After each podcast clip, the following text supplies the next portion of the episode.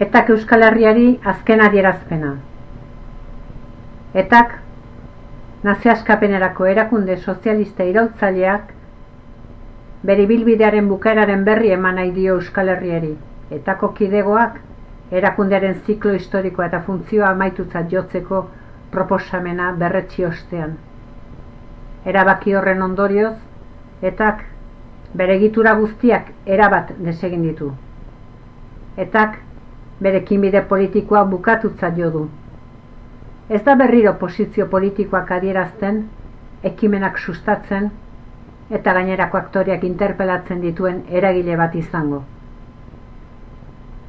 Etako militante izandakoek beste eremu batzuetan jarraituko diote Euskal Herri bateratu, independiente, sozialista, euskaldun eta ez patriarkalaren aldeko borrokari. Norberak egokien iristen dion tokian, betiko arduraz eta zintzotasunaz. Frankismoaren atzaparretan itota eta estatu jakobinoak asimilatuta, Euskal Herria hilzorian zegoela jaio zen eta. Eta orain, irurogei urte geroago bere buruaren jabe izan nahi duen herri bat bizi da. Eremu eta arlo ezberdinetan asko egindako lanari esker, belaunaldi ezberdinek egindako borrokari esker. Euskal Herriaren eta estatuen arteko gatazkan, etak ziklo bat itxi nahi du. Violentzia politikoaren erabilerak ezaugarritu duen aroa, hain zuzen ere. Alere, estatuek tematuta segitzen dute gure herria aurreko ziklo horretan kateaturik mantentzeko. Konfrontazio politiko solian duten ahultasunaz jakitun eta gatazkari bere osotasunean konpomidea emateak ekarriko lukeen egoeraren beldur. Eta kordea, ez dio egoera demokratiko horri inongo beldurrik. Eta horregatik hartu du erakundeak erabaki historiko hau. Askatasunaren eta bakearen aldeko prozesuak beste bide batetik egin dezan aurrera. 2008an borroka armatua behin betiko usteko hartutako erabakiaren ondoko segida logikoa da. Indarmetak eta herri aktibazioa eta ezberdin hartoko akordioak ardatzi izango dituen herri prozesu bat eraikitzea izango da aurrerantzean erronka nagusia.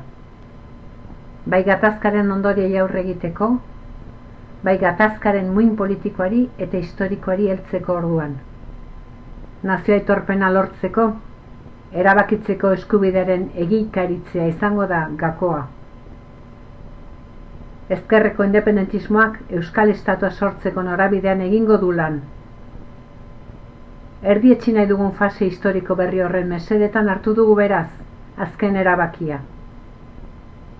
Eta, herritik sortu zen Guten Tag, meine Damen und Herren.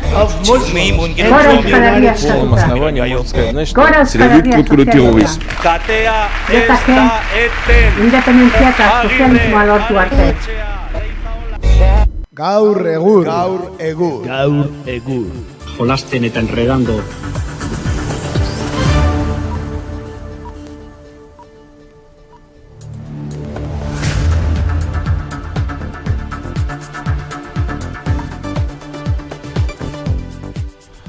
Arratxaldeon entzule, hemen gaude zuzen zuzenean kakaintzonako estudioetan, aurreko astean piper egin genuen, baina oraingoan hemen gaude eta ba, irudikatuko zenuten bezala, ba, gai zentral bakarrarekin gaurkoan ez gira nazioartera joango, nazioartekoak etorri dira gure gana, ezta?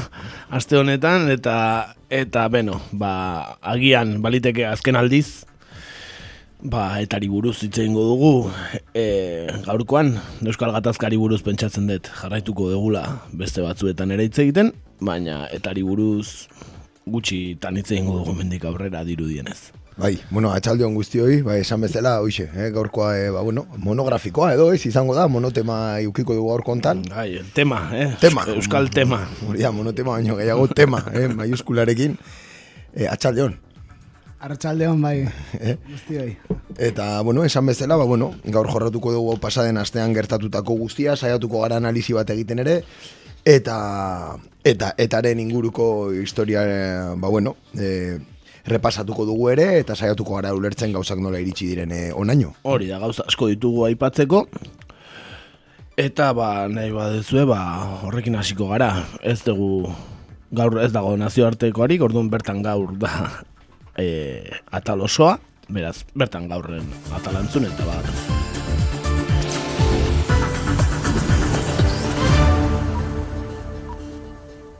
Bertan gaur.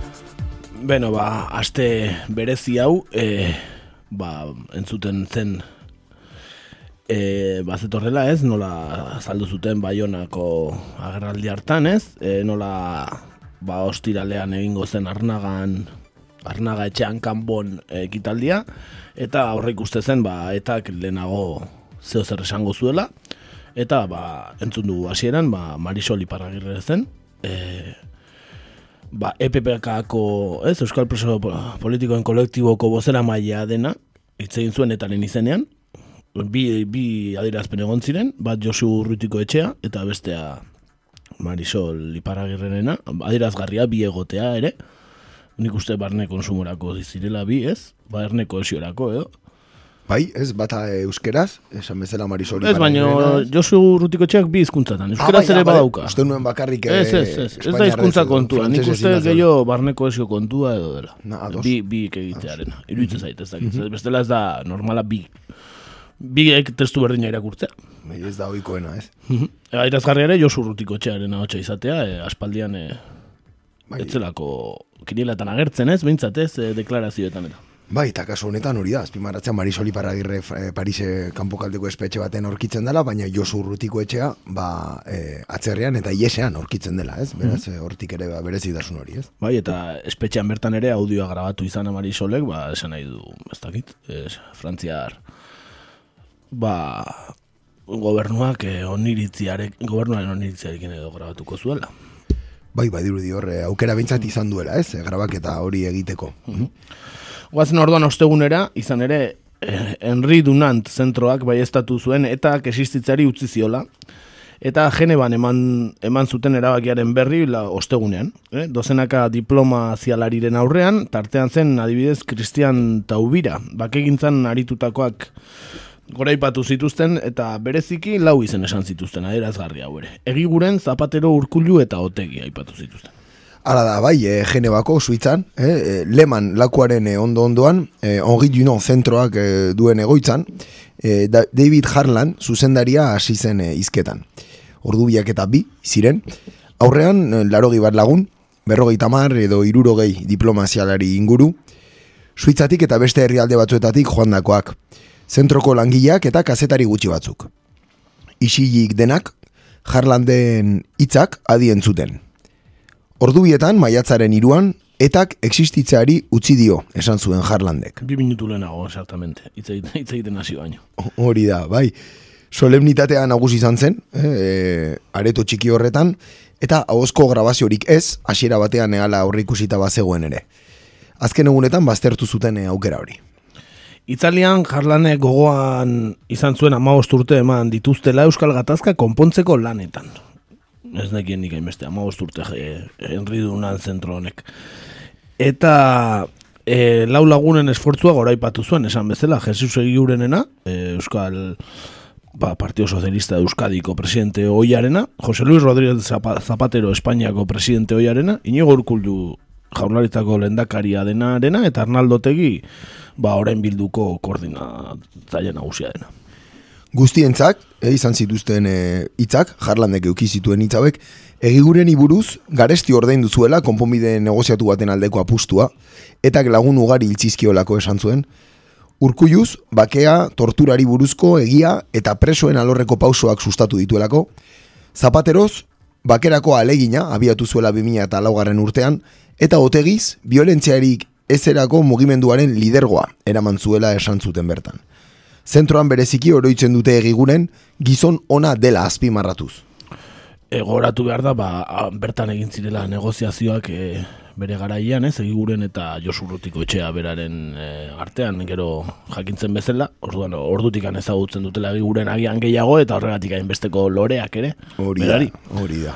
E, biktimen alde minutu alteko isiltasuna gordetzeko ere eskatu zuten, amaitu aurretik, eta Bederatzi minutuko itzaldian, herritar gehienentzat indarkeria onartezina eta justifikazina izan zen. Ez da ella berriro gertatu, adierazi zuen Harlandek. Raymond Loretan, Henry Henri Dunon fundazioko kidea ere mintzatu da Euskal Gatazkaren konponbidean e, zentroak eginiko lanaz. Haren hitzetan modu diskretuan lagundu du nolabait hau bukatzen. Eta pozik azaldu da etaren urratxe, urratxarekin. Horixe da Henri Dunonen e, izateko arrazoia azpimarratu zuen. Neiz eta inoiz ez den erresa bakea eraikitzea. Loretanek agindu du zentroak zeregin horretan jarraituko duela munduko beste gatazka batzuetan ere. Itzaldi amaitu eta txaloak izan ziren nagusi. Bueno, ba, horrela zen e, historia guzti honen hasiera ez, e, ba, suitzan, e, nik genuen espero horrela izango zenik, ez esate zen BBC-era bideo bat, eta bar, bueno, ba, ba ez, enridunante zentroan, ba, prentxorreko bat egin zuten, eta bertan hortikan hasi ziren, ba, gero mediotara zabaltzen, ba, audio horiek ez, e, ontzun dugun audioa edo Josu Urrutiko etxeran adibidez.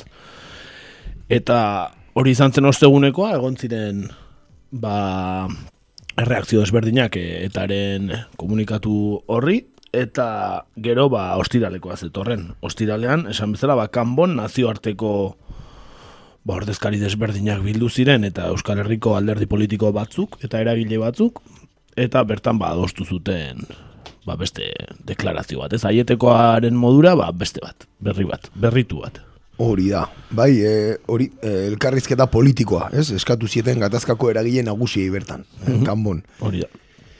Eta, bai, e, ba, esan bezala ziklo bat itxi da, aieten hasi zena, eta beste ziklo bat iriki da, arnagan orain hasiko den hau. Euskal Herriko bake prozesuak donostiatik kanbora bidea egin du, zazpi urteko epean, ego Euskal Herritik ipar Euskal Herria. Gipuzkoatik lapur dira. Duela zazpi urte egin bezala, ostiraleko, ostiralerako ere, ba, gune berezia, utatu zuten eh, nazioarteko eragilek, eta gizarte zibilak, etaren azken adierazpen historikoari ongi etorri eman eta etorkizunera begira jartzeko. Zuaitzez, Belardiz eta Iturri zinguratuta atera ziren kazetarien aurrera, Berti Haern, Irlandako Republikako lehen ministroia, Michel Kande Sus, nazioarteko diru funtseko zuzendari oroko roia, bai FMI, bezala ezagutzen duguna. Kuaktemo Cárdenas, internazional sozialistako orezko presidentea. Eta Jerry Adams, sinfeineko presidente hoia. Baita Jonathan Powell, Tony Blairren kabinete buru hoia izan zena. Eta denak laguntzen, ba, naiz funosas, bake bideako presidentea. Arnagako adirazpen berri honen, ba, berri ematea.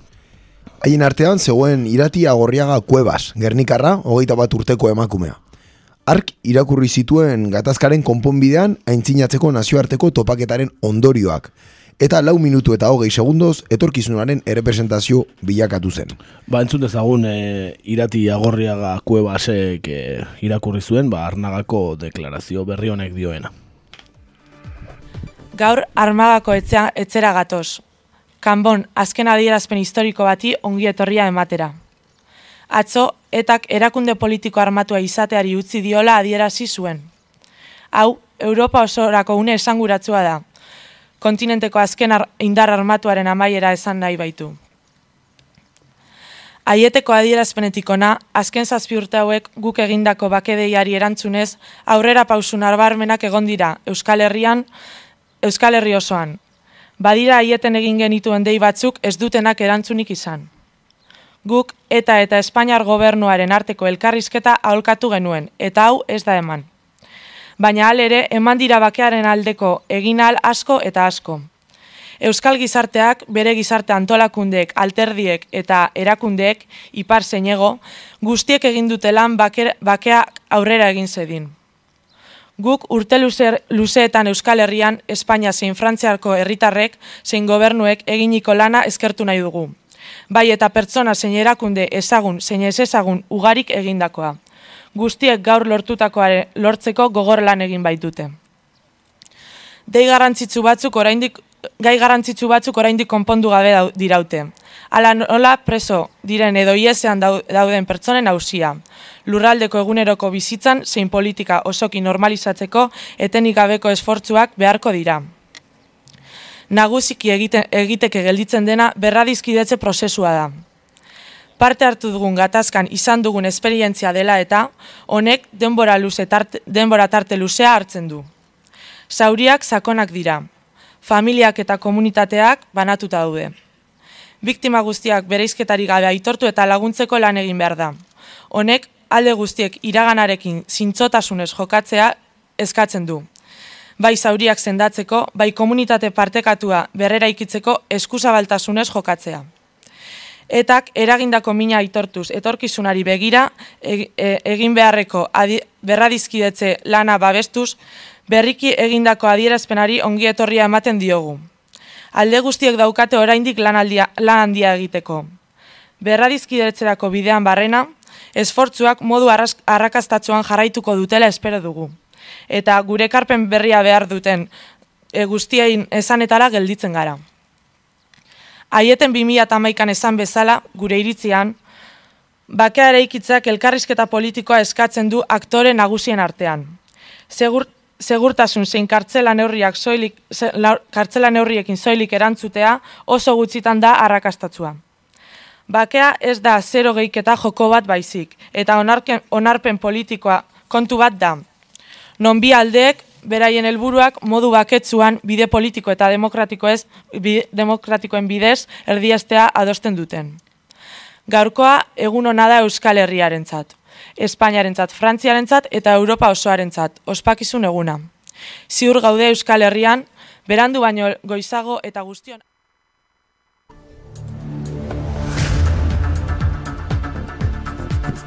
Bena, ba, hortxe adirazpenak zioena, egia esan, mamira sartuta aietetik anona adirazpenak ez du elementu berri nagusirik, ez?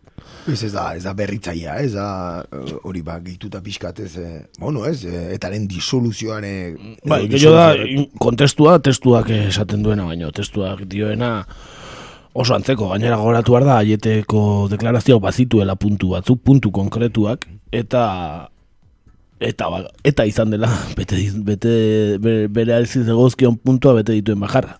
Hola. Zati bazuden presoi buruzkoak eta bar, eta Hor, ez da aurrera pasorik egon, bueno, Frantzian aurrera paso txiki batzuk dirudienez, baina gehiago ez. Orduan, e, bueno, testua, ba, antzekoa. Piskat lausuagoa agian gainera, nahietekoa baino. Eta, ba, foro sozialak, bakebideak eta harremanetako nazioarteko taldeak antolatutako ekitaldia izan zen ostiralekoa. Eta arnagoko adirazpenen aurretik, ba, entzun dugun adierazpen aurretik, ba, ordu beteko saioa izan zuten eraikinaren barruan, eta han izan ziren egun bat gonbidatu, naziartekoak zen Euskal Herrikoak. Ordea etzen ez Eusko Jaurlaritzako ez Nafarroko gornuko ordezkaririk izan kanbon. Gero e, bertizen atera ziren izkera. Biktimentzako minutu bateko isilunarekin abiatu zen e, e, itzaldi sorta hau, Horren ostean, Brian Currin izan zen mintzatzen lehena Euskal Herriko bake prozesuaren berezitasunak goraipatzeko. Hemengo bake prozesua bakarra da. Baita hemengo harremanetarako nazioartuko taldea ere. Ezoikoa da, prozesuak ez dutelako gobernuek egin. Herriak baizik, Euskal Alderdiak kontsultatu ostean. Herritarrek idatu dute prozesua, gobernuek ez ezko eman ostean.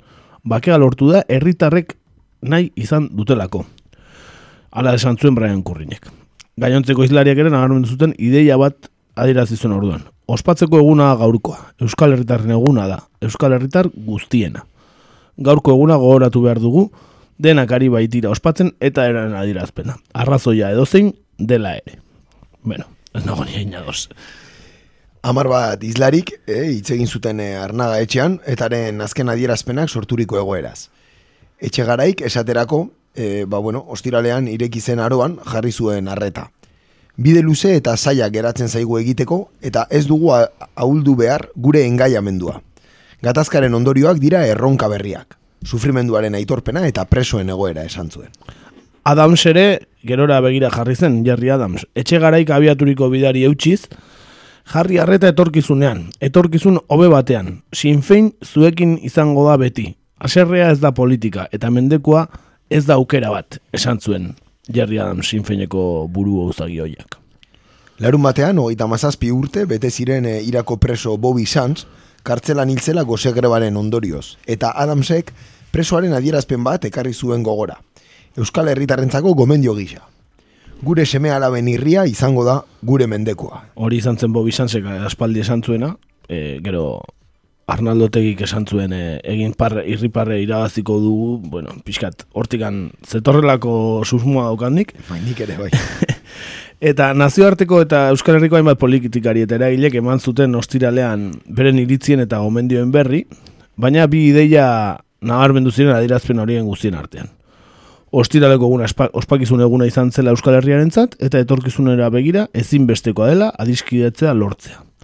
Ideia hoiekin batera, nazioarteko eragilek gizarte zibila zorion duzuten. Euskal Herriko bake prozesua herritik sortu zelako eta herrian amaitu delako hori izan zen arnagak eman zuena, eta ba, behin nazioarteko e, ba, harremanetarako talde honetako ordezkariek hitz egin ostean, ba, hitz egin zuen espainolez kuartemok, nola da? Cardenas, e, Mexikoko, bueno, priko zen ez, edo Olakoren bai, bat, bai, bai, Mexiko, Mexiko DF-ko alkate izan zena, eta bai. Hori da, bera eta ere oso famatua zan. Hori da, ba, bera gaztelania irakurri zuen, eh, ez jerri adosek ez eh, Jonathan Powellek ingelesez, eta Michel Camden Susek eh, frantsesez, eta barrez.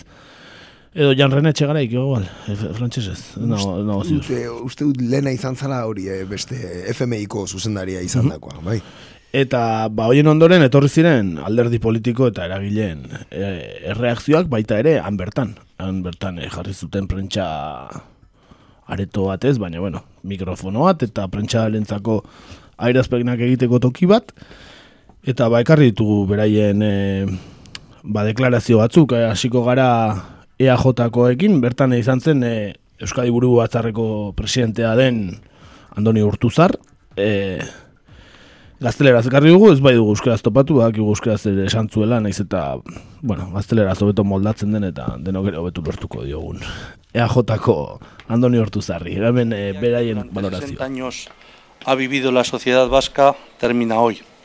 Damos credibilidad al anuncio que escuchamos ayer y que hoy ha sido ratificado por representantes internacionales.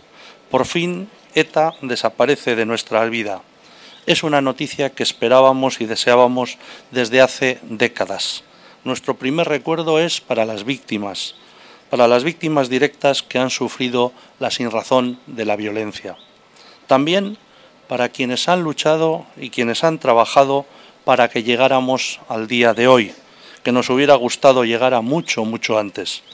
El PNV ha discrepado radicalmente de los fines y de los métodos de ETA desde el principio, desde su nacimiento. No tuvo sentido su origen y menos sus tristes e injustificables acciones. Es el sentimiento, creemos, que también tiene la inmensa mayoría del pueblo vasco. Precisamente en el día de hoy queremos felicitar al conjunto de nuestra sociedad por haber sido capaz de resistir a ETA y a sus ataques e impedir que prosperara su proyecto totalitario. Sin ETA, la sociedad vasca se sacude el plomo de las alas y podrá volar en libertad para ser lo que quiera ser.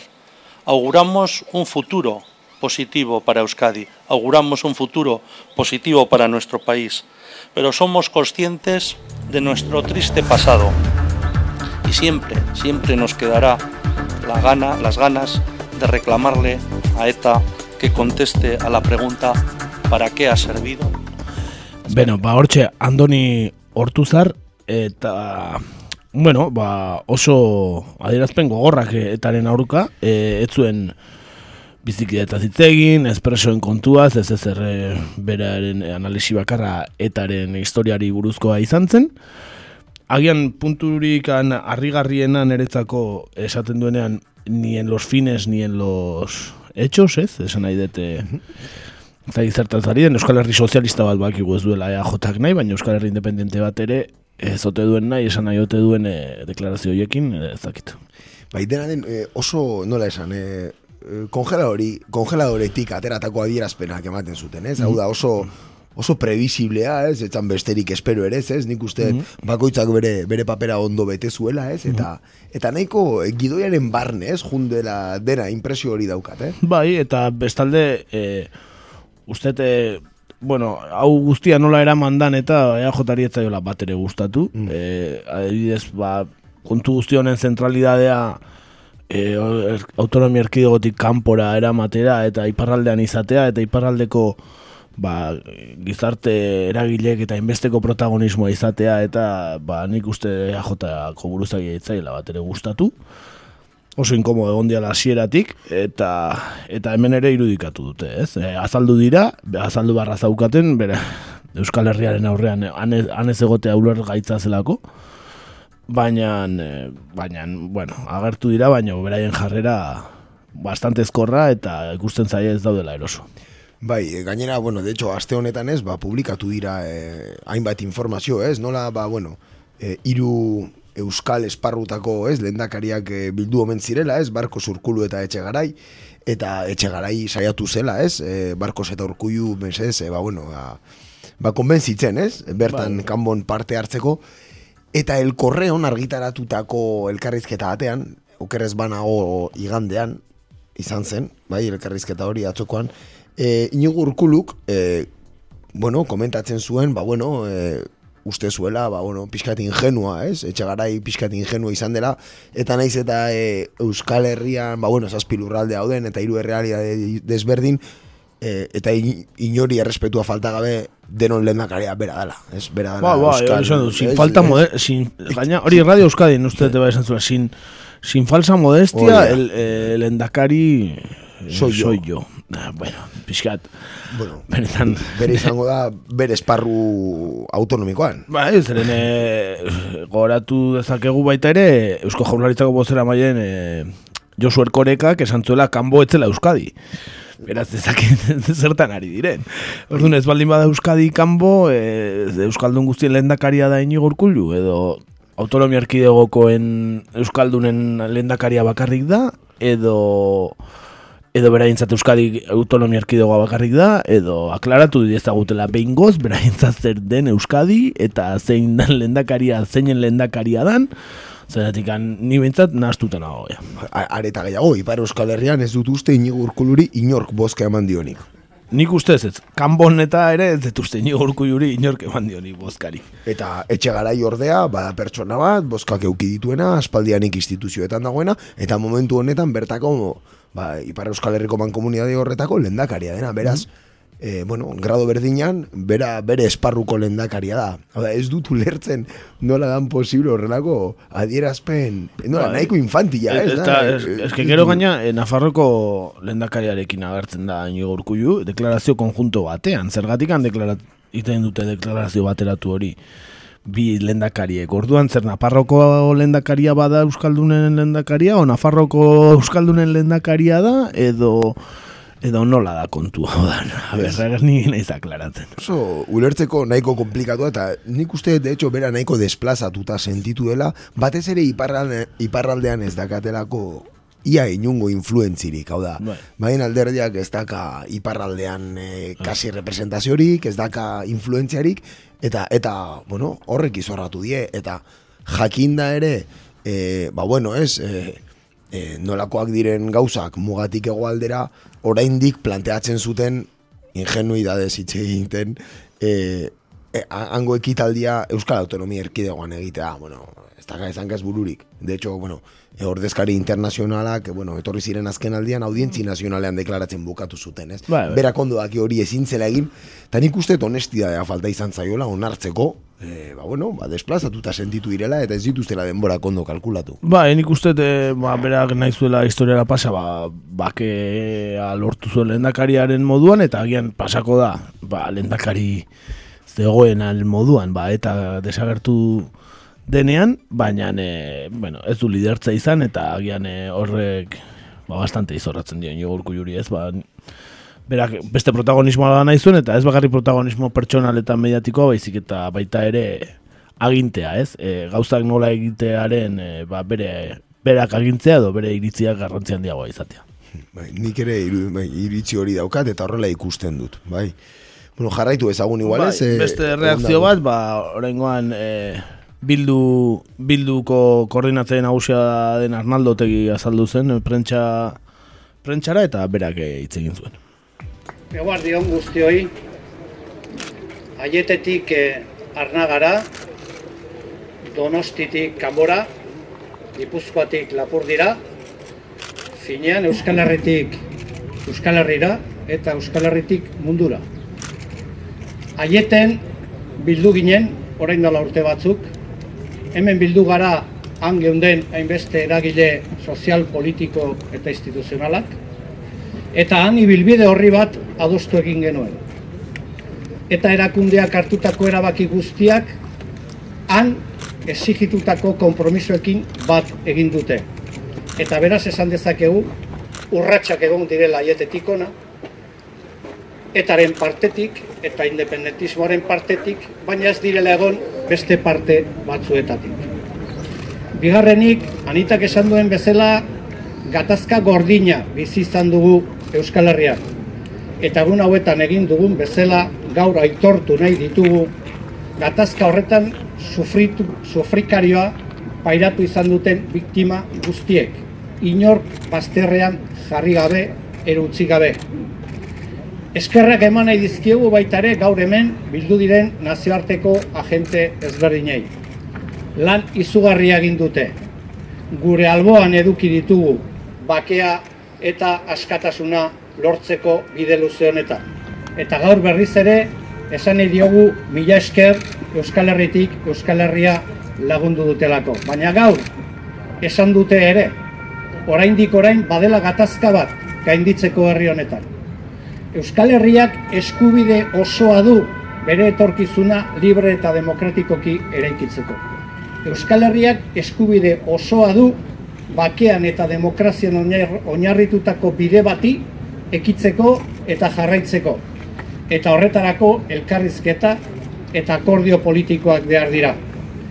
EH Bilduk eta EH Baik gure honena emango dugu, egon diren eta oraindik dauden zauria gainditzeko, baina baita ere, nola ez, Euskal Herriak bakean eta askatasunean, bere askatasuna eta bere demokrazia lortzeko. Guk gure honena emango dugu, hori lortzeko eta lortzeko bidean bidean jarraitzen dugu eta lanean jarraitzen dugu. Hortxe, ba, EH Bilduko ba, koordinatzen nagusiaren balorazioa, baita ere balorazio bastante aurre ikusgarria, ez? Ez zuen gauza berri handi girik esan. Oso, bueno, eske oso gauza instituzionala eta korrektoa izan zen dena, ez? Eta oso enkorsetatua eta eta, bueno, aurretik prestatutako testuekin, ez? Bai, eh, bai, nik uste dut, eh, bueno, eh, kasu honetan Euskal Herria baita Euskal Herria bilduren adierazpenak ere ba, gidoiaren barnean sartzen zirela. Egia da, bazegoela horre ez, ba, bueno, ez dut esango nahi bat ez, baina bai jarrera bat ez, de, gertatutako ere pixkat kapitalizatzeko ez, parte izan diren enean ez, batez ere kasu honetan, ba, Euskal Herria bilduko koordinadore orokorraren kasuan ez, Arnaldo Tegiren kasuan, bere, berak ere parte hartu zuen ez, aurreko elkarrizketa horietan, eta bai bai uste dut horre ba bazegoela, ez? Nahi bat pixkat ba kapitalizatzeko e, ba bueno, bideo honetan egin duten lana e, eta eta egin duten esfortzua ona ona iristeko. Bai, Dunan zentroak ere bera aipatu izana, ba adirazgarria da. Bueno, bera Inigurkullu ere bai, aipatu zuen. Harrigarriena egin. Kuriosoa, bai, Inigurkullurena ze bakarra da, ez?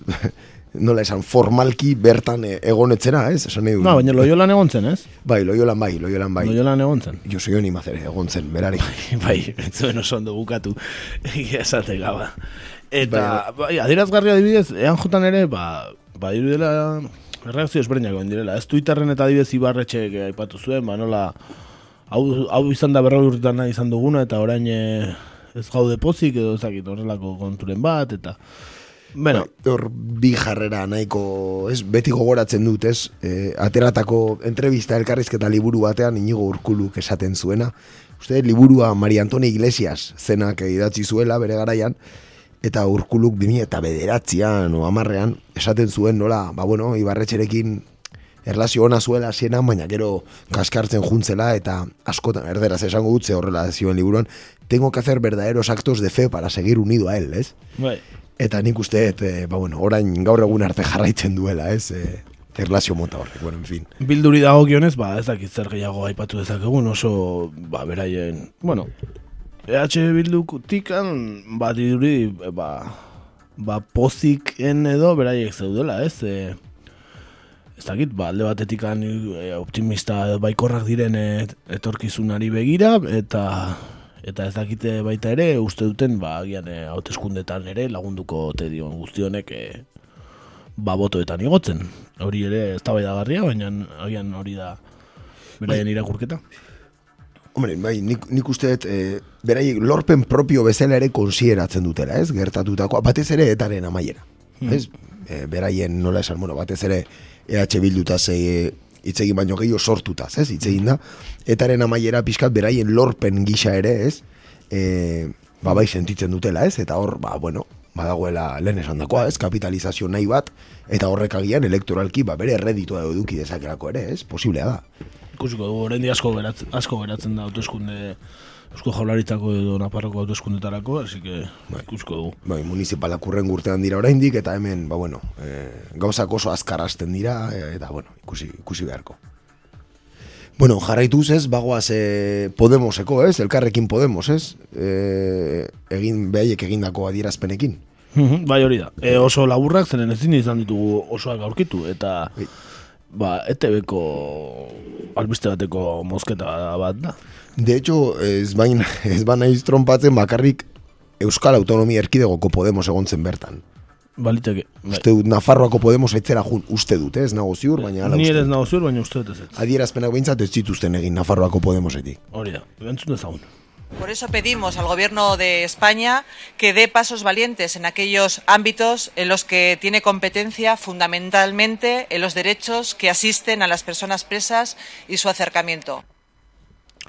ba, bakarrak izan ziren presoen egoerari buruz zutena kuriosoa da, baina ne, baintzate esplizituki horrela ez ez EAJ eta ez EH Bilduk ez zuten horrelako adirazpinek egin. Bai, kasu honetan oso, ez, e, bueno, alor teknikora joan ziren zuzenean, ez? Preso eta zitze egitea eta urrengo pauso eta zitze egitea, ez? Hori. E, hortxe ez, baita ere, ba, bueno, elkarrekin Podemosen jarrera, ba, azken orduko ere, ez, uste dute, ostegunean erabakizu dela, ostiralean joan edo ez. Uh ez, asamla bat eginez, eta... Bai, baina, bueno, alde batetikan ere, nere, nere ustez, e, eskertzekoa, ez, e, bintzat, ba, alderdi konstituzionalista denean, e, horre egotea, ez, e, adibidez, ba, epagarria, ez alderdi sozialista, ez, ez alderdi popularra ez zirela agertu, alderdi sozialista goratu ezagun aieten egontzela, eta ez da egon, e, ba, kanboko honetan, Eta bintza ba eskertzekoa ez, ba, Euskal Gizartearen zaten garrantzitsua dan, e, ba, gatazka batetan, ba, bintzat aurpegia ematea ez. Ni, ni bintzat hori eskertzen diet.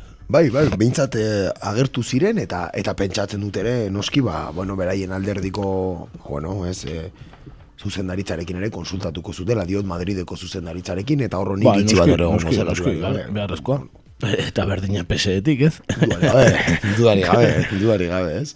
Eh, azkenen sukurtsala dira danak, ere, hemen. Hori da, ez? Orduan, bueno, bertan egon zen alderdi konstituzionalista ofizial bakarra izan zen, hola, esan dezakegu, ez? Bai, autonomista bat, bestela esan dezakegu agian, ez?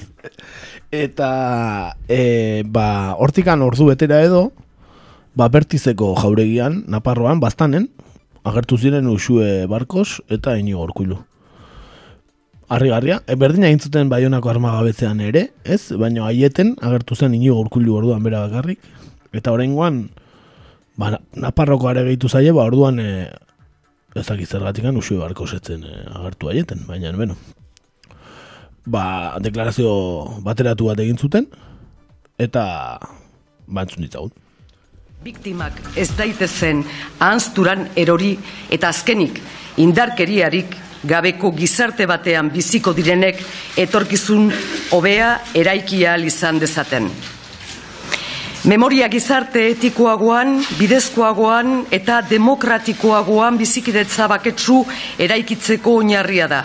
Erreparazio osoa lortzeko Eta plurala eta askotarikoa bada ere, memoriak oinarri finko bat partekatu behar du. Oinarri hori izan behar dira giza eskubideak eta giza duintasuna sendoak eta eztabaida ezinak baitira eta barne hartu behar dute espetxe politika salbu espenekoak gainditzea. Damurik, etaren amaierako adirazpenak ez du begiratu etiko eta kritikorik adirazi bere jardunaren ondorioei ez baitu onartu biktima guztiei, guzti guztiei gero eragindako minaren bidegabekeria eragindako min bidegabe guztiaren memoria geratzen da. Bere azken komunikatuan, eta ez da gai izan biktima guztiei zuzenketako hitzik adierazteko. Baina gizarteak eta erakundeek hori egin dezakegu. Indarkeria eta giza eskubideen urraketa arma politiko gisa erabiltzea erabateko akatz etikoa izan zen. Inoiz gehiago ez eta keragindako biktima bakar bat ere ez zen inoiz gertatu behar. Gizartearen, erakundeen, politikaren eta giza eskubideen lorpen demokratiko honen subjektu eta partaide nagusiak dira gaur biktimak. Itxaropena. Une txarrenetan itxaropenak mugitu gintuen eta bizikidetza integratu eta integratzailea bidezkoa eta memoria duen itxaropenak mugitzen gaitu orain. Une honetan, beharrezkoa da. Ben, hortxe, e, ba, bi gobernuen deklarazio bateratua, EAJaren, e, ba, hortuzarren deklarazioaren hildotik anez, agian e, dikan eta lausoagoa, ba, itxaropena, memoria, ez, e, ba, horrelako hitz, e, ba, potoloa gaipatuz, baina e, neurri zehatziken e, edo hartu beharko liratezken neurri zehatzek aipatu gabe, bakarrikan ba, eta eta kritikatu eta eta biktimak e, ba, e, rekonozitu edo, ez? Bai, besteria, egia esan, ez? Pasa den oren biasteko komunikatuaren aurrean eukitako diskurso ia berdina, bai. ez entzun alizan genuen, ez? Ekitaldi horretan. EAJaren EAJatik gertu dauen komunikabideek saltzen dutena da, ba, atzetikan e, sukaldelan handia egiten duela, asko hitz egiten duela rajoiekin presoi buruz, eta barreta abar, baina e, ez dakigu, egia izango da, baina publikoki bintzat ez du Ez du gauzan dirik esaten inigok, eta hausuek e, inigok aipate esan dakoa harimene egitea, uste egiten duen bagarra dela. Bai, ez du, ez diru dio, ez, inzidentzia ondirik daukanik, urkuluren kasuan aurrekoan, ez, uste dute, ostegunean bertan esan zuela, e, rajoi sensiblea zela, presoen gaiarekin. Eta badirudi, sensible izatearen, ba bueno, e, percepzio hori, ba bueno, berak eramandako gutumat jaso omen zuelako dala, mm ez? Hori, ba, beti ez gauza e, ba, zehaztapen gabeko gauza. Entzun ezagun Mariano Rajoy ze sensiblea den kontu hauetan. ETA ha sido derrotada por la acción del Estado de Derecho y por la fortaleza de la democracia española. Esa es la única verdad que resplandece sobre tanta palabrería y comentario como lo que estamos oyendo estos días. Los únicos artesanos de la paz Dignos de tal nombre son los miles de guardias civiles, policías, jueces y fiscales que han acorralado a la banda terrorista hasta obligarla a reconocer su fracaso. Esos y no otros son los únicos artesanos de la paz. Haga lo que haga ETA, no va a encontrar ningún resquicio para la impunidad de sus crímenes. ETA puede anunciar su desaparición, pero no desaparecen ni sus crímenes ni la acción de la justicia para perseguirlos y castigarlos. Haga lo que haga estos días, diga lo que diga, nada cambiará una realidad incuestionable. Todo el proyecto de ETA ha sido un clamoroso y rotundo fracaso. No consiguió nada de la democracia española cuando asesinaba a cientos de personas. No consiguió nada cuando dejó de matar porque su capacidad operativa fue liquidada por las fuerzas de seguridad. Y tampoco va a conseguir nada ahora con nuevas operaciones de propaganda.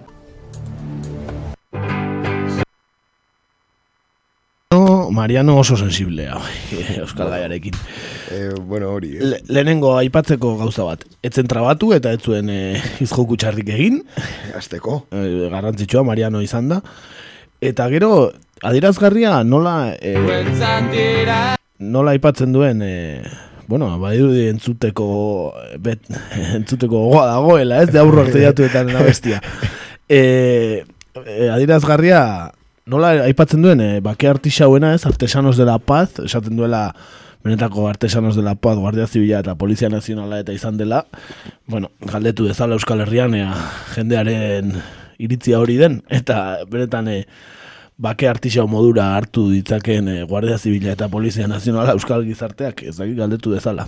Baina, irazgarria horrela aipatzea, ba, nik uste ikusten alako, zen gutxi gustatu zaien, e, gizarte zibilak hartu duen papela, Eta gainera, Espainiar nazionalitatea ez duten Euskaldun gizarte zibilak hartu duen papela, ez? Duari gabe, duari gabe bere diskursoa, ba, bueno, nahiko e, bueno, badirudi, enojatuta, ez, egiten zuela diskurso, hau da, e, aserre zegoela, ez, gertatutakoarekin, bueno, hortaz aratago, esan dago, bueno, ba, bere diskursoa dela, ba, bueno, ba, hori, ba, garaipenaren diskursoa, ez, bera aurretik doa, e, ba, bueno, bai. betiko e, lau kontzeptuak ere, ez, el estado de derecho, las fuerzas de seguridad, y la derrota policial de eta, ez, azken hori izan zan bere diskursoa, horre ez dago. Ba, ez dago berrikuntzarik. Aderaz garria, agian, hitzetan baino gehiago, gestoetan, tonoetan egon zen, ez, eta, ba, dirazgarria nola, e, ba, agian, etaren proiektu politikoa babestu duen gizartaren zatia zegoen alaien, eta etaren jomugan edo egon den e, gizartearen zatia ordezkatzen duten alderdi politikoak zeuden tristeen.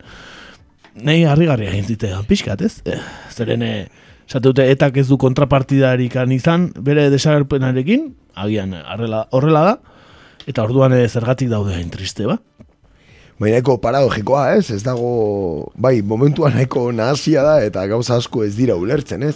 Eta horre, esan behar dago, bueno, bat ez ere, bueno, Euskal Herriari dago kionez, orokorrean e, gizartearen gehiengoa, ez?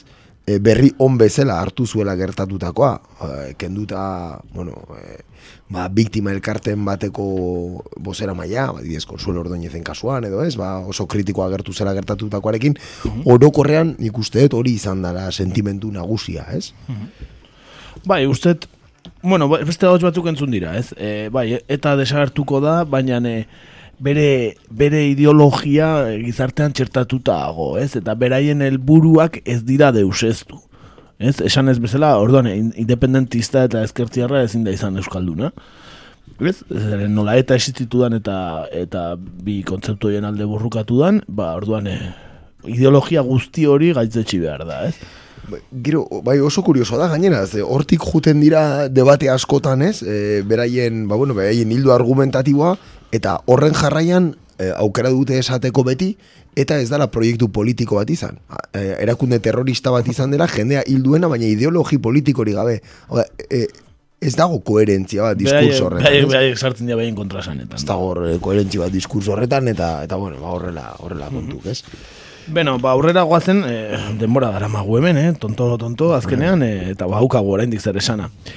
Eta kontu guzti honetan, e, adirazgarria izan dena aste honetan, izan da, ba, atera direla datuak e, etaren barne ez Datu oso esanguratsuak esango nuke.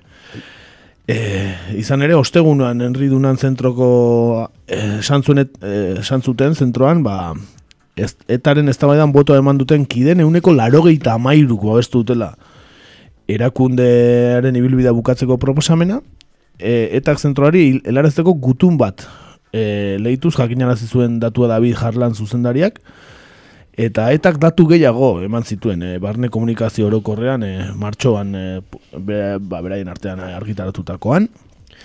Bai, mila irurogeita mazazpi, eh, kidek eman dute botoa, bederatzi irun da larogeita mazazpik, boskatu dute proposamenaren alde, hau da euneko larogeita mairuak, eta berrogeita zazpik kontra, eh, euneko lauak. Eta hogeita mairu, boto zuri eta abstentzio izan dira, eh, beste euneko faltazan irua. Etaren zuzendaritza batzordeak oso valorazio positiboa egin du eztabaidaz, kidegoak oso babes handia eman diolako proposamen politikoari eta parte hartzeko purua ontzat duelako. Gainera, proposamen politikoa ontzat emateko zuzendaritza batzordeak beste irizpide bat jarri zion bere buruari, hau batez onartu zuen proposamen horrek eremu guztietan jaso behar zuen gehiengoa, hau da, egitura operatiboan, kartzeletan, erbestean eta kide legalen artean. Bistan da denetan hala izan dela. Benetan harrigarria mila eta iruru eta mazazpik kidek botoa eman izana, eh? Eta gainera, etak estimazio bat ere egin du, esan ez, 2000 bosteun da irumila lagun artean izan direla modu batera edo bestea, ez berri izan dutenak. Asko dira, eh? 2000 bosteun irumila, eh? Eta parte hartzean handia, e, nahi zuten eta etakoak ez dira hainbat militante ere informatuak izan dira. Etakoak ez diren hainbat militante ere. Horietako batzuk ekarpenak egin omen dituzte gainera. Boto eskubidea, ala ere, mila irureun da hogeita mabostek, eh, izan dute, e, barne komunikazio orokor horrek dakarrenez. E, horietatik iruro geita marrek ez dute parte hartu nahi izan, eta horrela adierazi dute ekspresuki, zioten. Arrazoi ezberdinen gatik, parte hartu ez duten kide horietatik gehienek azaldu dute eta dioenez azken urteetan erakundearekin izandako harreman eskasagatik euren burua legitimatuta ez zutela ikusten. Baina aldeko jarrera agertu omen zuten. Beste batzuek uste zuten erabakia jada hartua zegoela estrategia aldaketarekin edo haren garapenarekin kritiko direnek osatu guten multzo hori.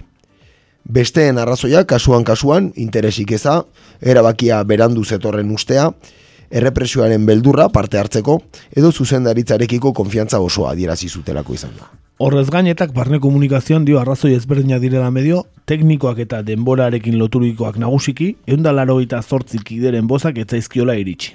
Kasu gaienetan, harrera ona azaldu zuten ala ere. Ez da prozesuari amaiera emateko, ondorio txosten bat osatu duetak eta zutabe aldizkarian argitaratuko omen du. Aterako du beste idazkirik ere. Ba, benetan harregarria mila iruron da hogeita tek zutela bozkatzeko eskubidea.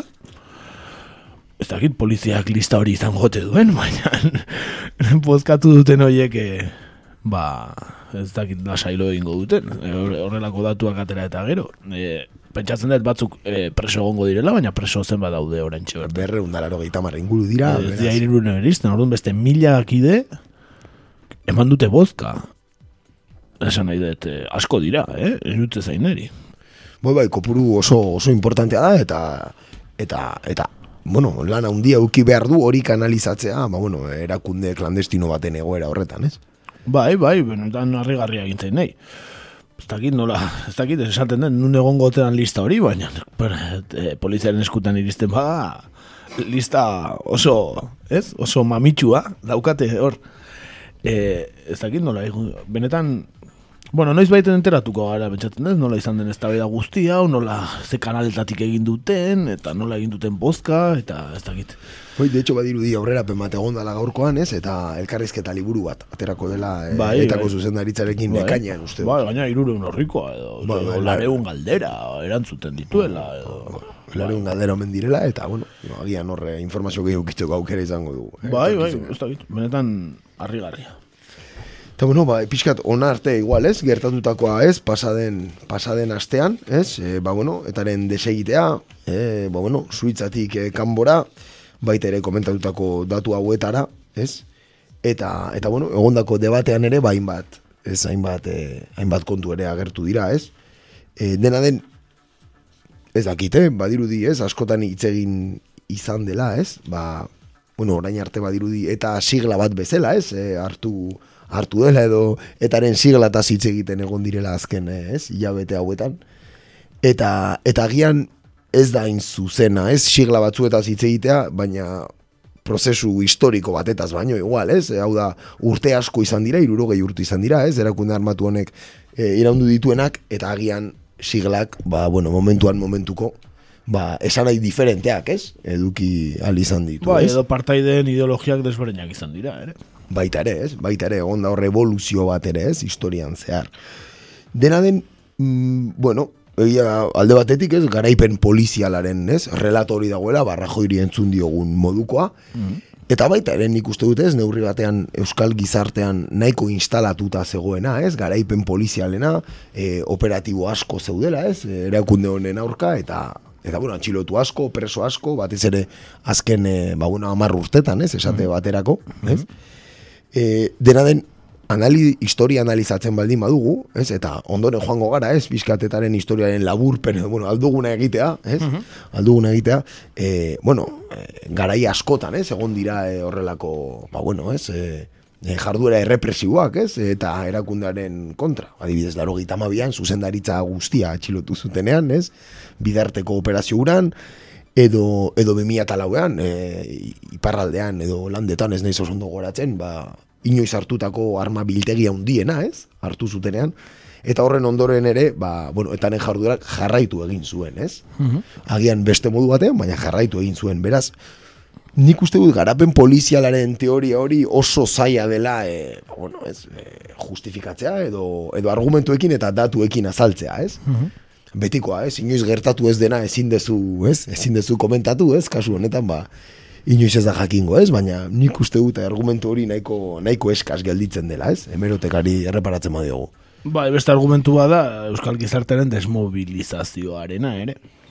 Ez? Hori ere hor dago argumentu gixara, ez? Belaunaldi berriak, eba ez dutela agian ba, aurreko belaunaldiek zuten mobilizazio kapazitatea edo jarrera edo eta bar, eta bar, ez? Bai, esan horre badago faktore soziologiko bat, ez? Gizartea asko aldatu da, ez?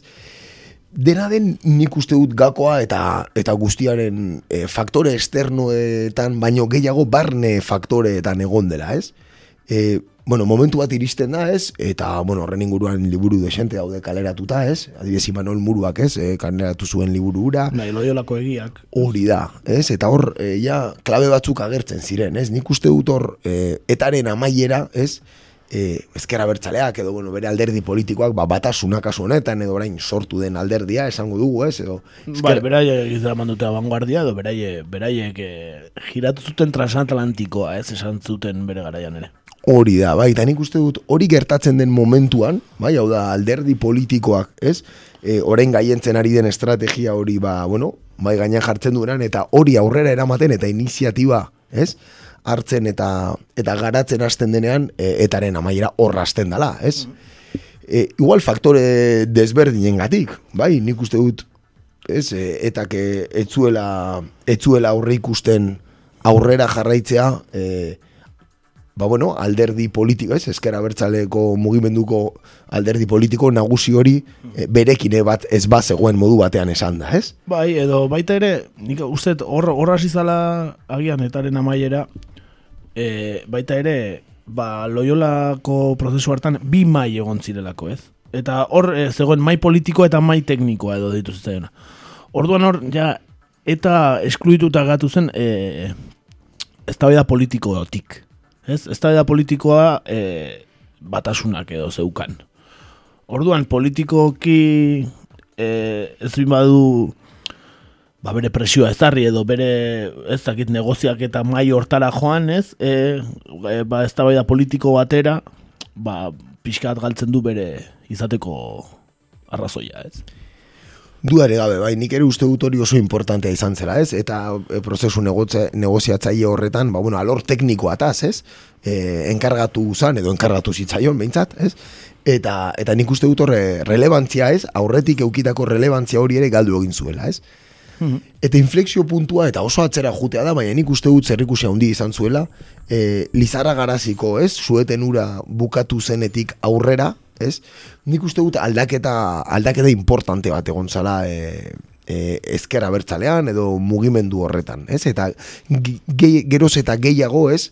Alor politikoak edo alderdi politikoak esate baterako, ba, nola esan, bere e, bere autonomia edo bere kasara, ez, hasi zela funtzionatzen esate baterako, mhm. edo beste iniziatiba batzuen, e, ba bueno, ez, aurrera eramateko e, bere, bueno, bere gaitasuna e, irabazten joan zela, ez? Mhm. Hori alde batetik, eta gero baita ere guzti dut oso fundamentala izan zela, ez? E, alderdi politikoak ja, ez? Ba, bera jarraitzen ez zuen modu horretan.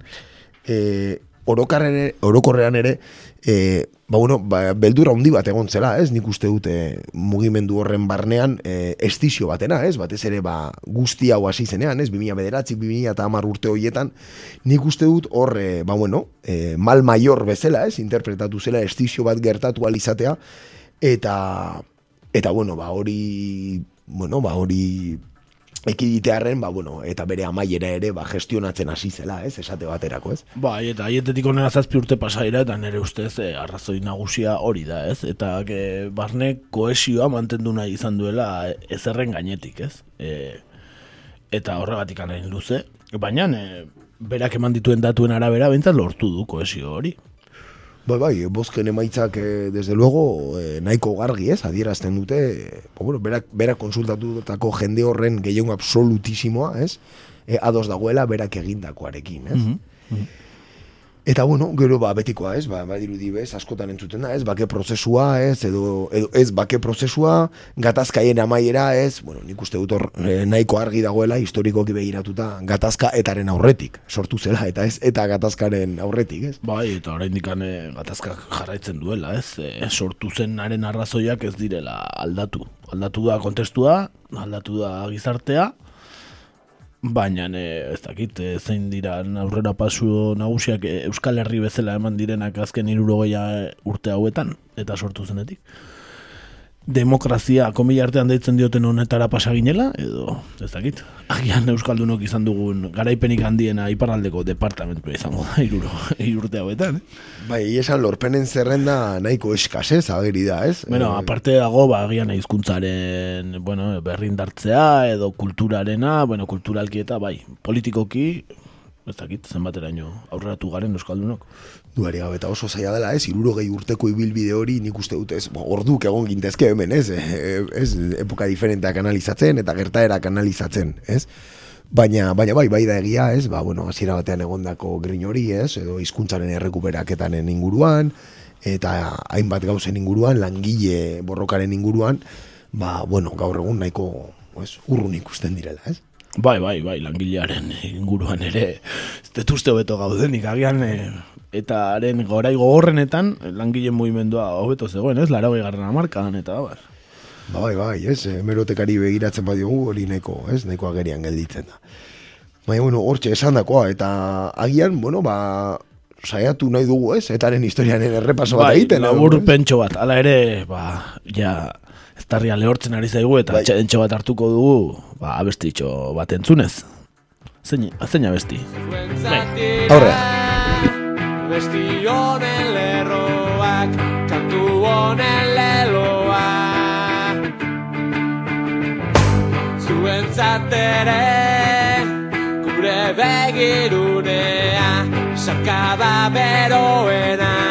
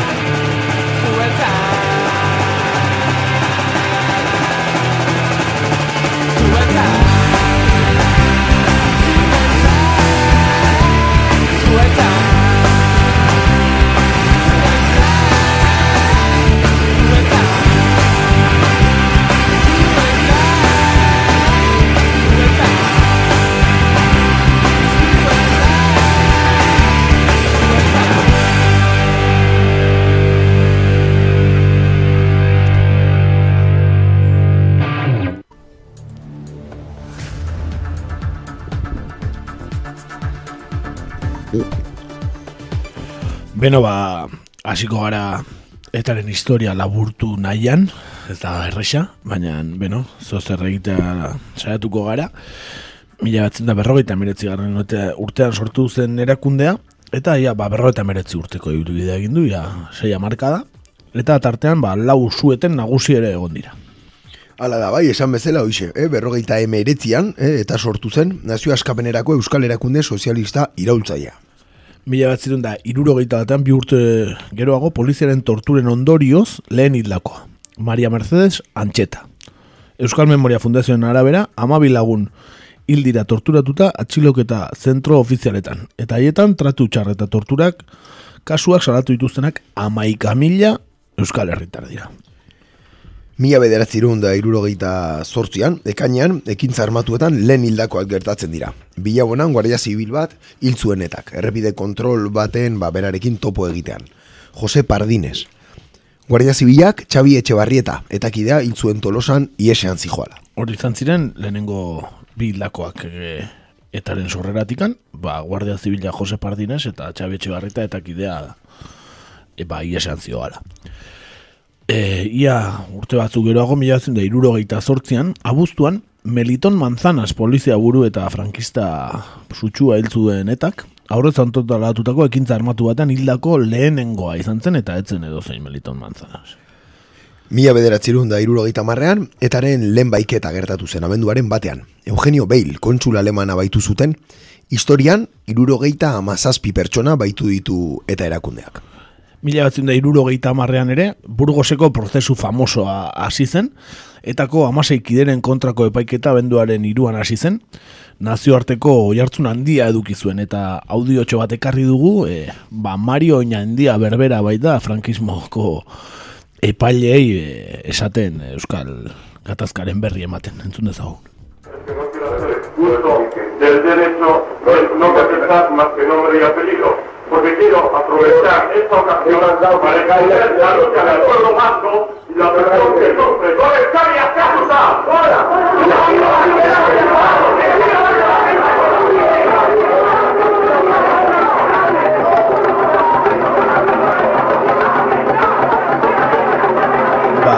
Horixe esan zuen, Mario Enaindiak burgoseko prozesuan e, ba, izena biztena bakarrik esan behar zituenean, ba, hori dena esan zuen, ez da oso ondo entzuten, garaiko grabazioa da, eta Mario Enaindia eta zitzein genuen luze eta zabal euskaiko ezkerraren evoluzioari buruz zitzein genuen anuaren bai, gutxi, mhm.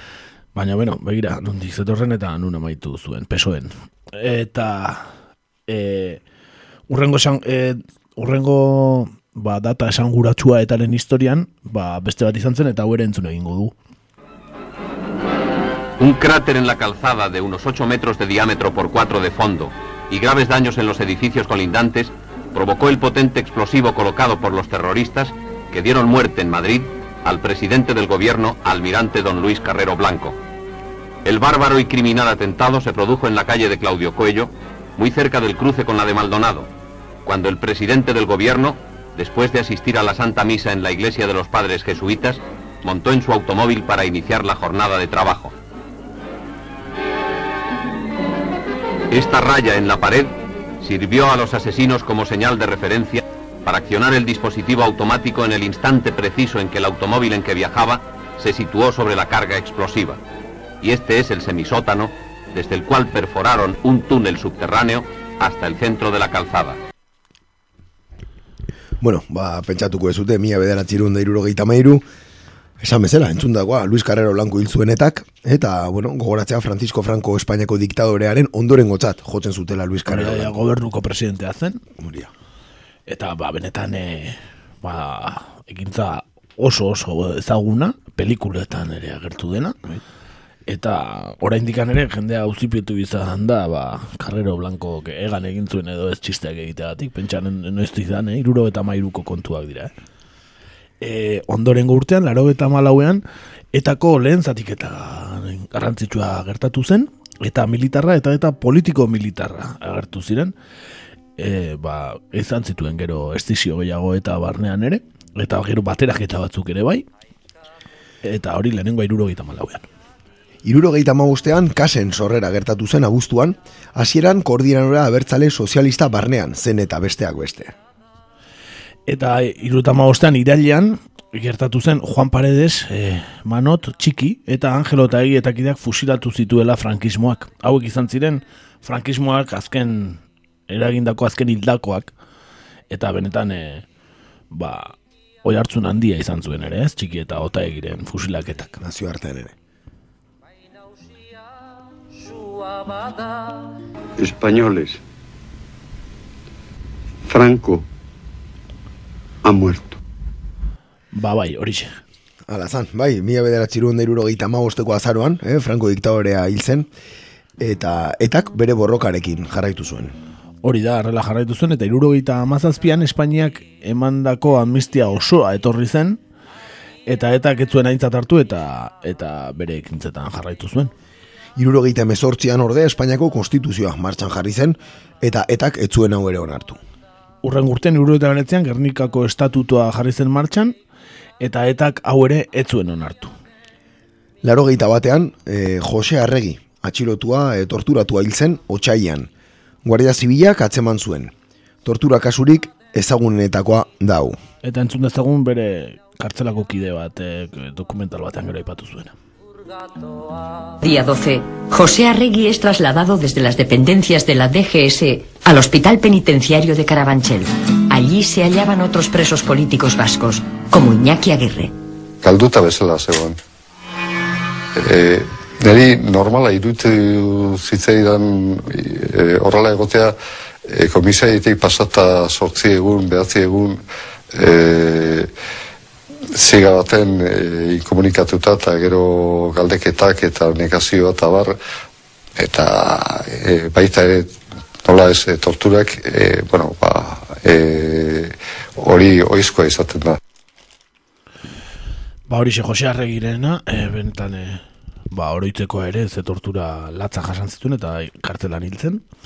E, ondoren urte hortan bertan larogeita batean, ba, lemoizko zentral nuklearen aurka Euskal Gizarteko zati handi bat ari zen urteetan borrokan, eta etak, ba, Jose Maria Arraian, zentraleko ingeniere burua hil zuen, otxailean.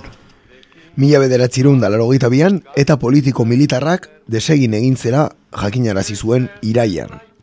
Hori da, gero sortuko zuten eia, eta gero Euskadiko ezkerra, eta bar, ezta. E, Euskal presoen sakabanetika, sakabanak eta politikaren ondorioz, kartzelerako bidaian hildako lehen senide edo lagunak izan genituen larogeita bian ere. Bilatzen da larogeita biko irailean, Rosa eta Arantxa amezaga hiltziren. Amasei herritar zendu dira horrela, eta horrez gainek, e, horrez gaine etxerateen arabera, sakabanek eta politikoak hogeita bat Euskal preso ere hilditu. Mila bederatzirun da larogeita irugaren urtean, gal, hasi zen. Josean Lasa eta Josi Zabalaren baiketekin, baionan izan zen urrian. Gogoratzea, larogeita mabostean aurkitu zituztela, bien gorpuak alikanten. Galen atentatu bidezko lehen hildakoa Ramon Oñederra izan zen larogeita iruko abenduan. Mila bederatzireun da larogeita zazpira artean, hogeita zazpi herritar hil zituen galek, eta Espainiako estatuko arduradun izandako batzuk zigortu egin zituen justiziak. Euskal Memoria Fundazioaren arabera, gerra zikinak, galenak barne, larogeita bost pertsona hil ditu, haietatik euneko berrogeita marra, larogei eta larogeita lau urteen artean. Eta badugu audio bat ere, Jose Amedo dugu, galeko sortzailetako bat, eta berak argi esaten du, zeinek eta zergatik sortu zuen gal. Los GAL se crean, eh, en principio, cuando Felipe González se siente impotente a la hora de llegar al poder, se siente impotente cuando trata este asunto con François Mitterrand, compañero de Internacional Socialista, y le dice por activa por pasiva lo que está sucediendo en España, que los franceses de sobra lo sabían. Ante la negativa de Francia a colaborar, fue cuando Felipe González eh, decidió la creación de los GAL. El GAL no, lo, no, se, creó, no se creó para acabar con etatiros. Eso, no, eso es inimaginable, ¿no? Eh, el GAL Felipe González lo creó, dio la orden de que se crease, para sensibilizar al gobierno francés trasladándole el problema a su, a, a su zona, donde a, a, santuario, a santuario de Terra.